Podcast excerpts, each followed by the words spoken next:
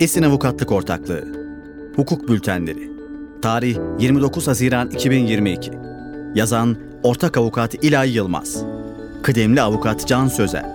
Kıdemli Avukat Ecem Elver Karşılığı nakit olmayan piyango ve çekilişler için yapılan izin başvurularında yeni dönem. Milli Piyango İdaresi Genel Müdürlüğü, karşılığı nakit olmayan piyangolar ve çekilişler hakkında yönetmelikte değişiklik yapılmasına ilişkin yönetmelik 16 Haziran 2022 tarihli resmi gazetede yayımlandı.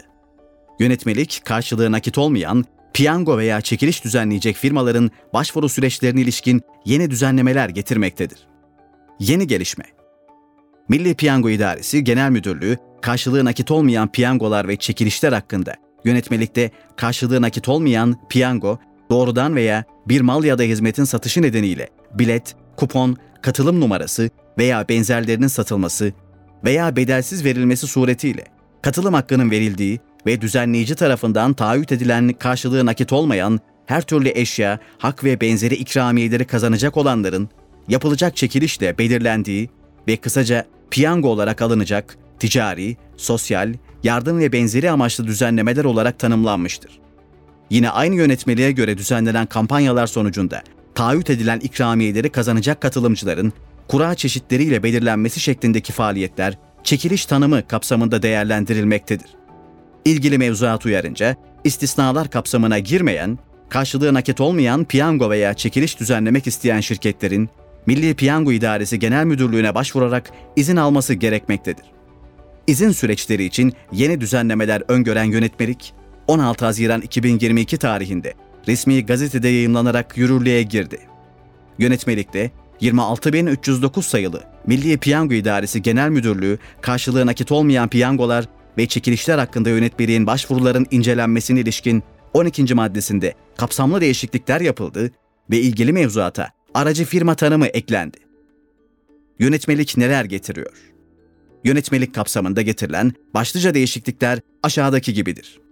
Yönetmeliğe aracı firma tanımı eklenmiş ve karşılığı nakit olmayan piyango ve çekiliş düzenlemek isteyenler tarafından elektronik ortam üzerinden yapılacak müracaatların yönetmelikle belirlenen esaslara uygun olarak müdürlüğe intikal ettirilmesi ve başvuru sahiplerine danışmanlık hizmeti verilmesi amacıyla aracılık yapan tüzel kişilere ruhsat alma zorunluluğu getirilmiştir.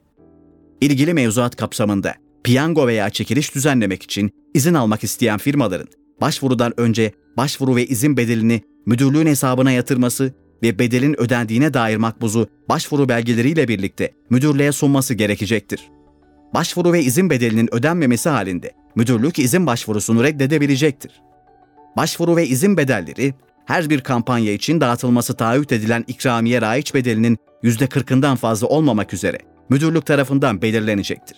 İzin başvuruları müdürlük tarafından kurulacak sistem üzerinden elektronik ortamda ve takibi ruhsat sahibi aracı firmalar tarafından yapılacak şekilde iletilebilecektir.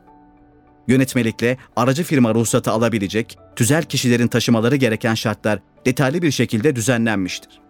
Buna göre aracı firmalarla müdürlük arasında ruhsatın geçerli olacağı süre boyunca yürürlükte kalacak şekilde birer aracılık sözleşmesi akdedilecektir.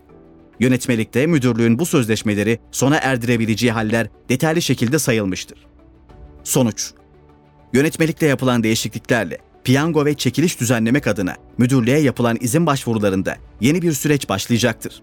Tanıtım faaliyetleri kapsamında tüketicilere karşılığı nakit olmayan piyango veya çekiliş düzenlemek isteyen firmalar değişiklikleri dikkatli inceleyerek yeni yükümlülüklerine uymak adına gerekli önlemleri almalıdır.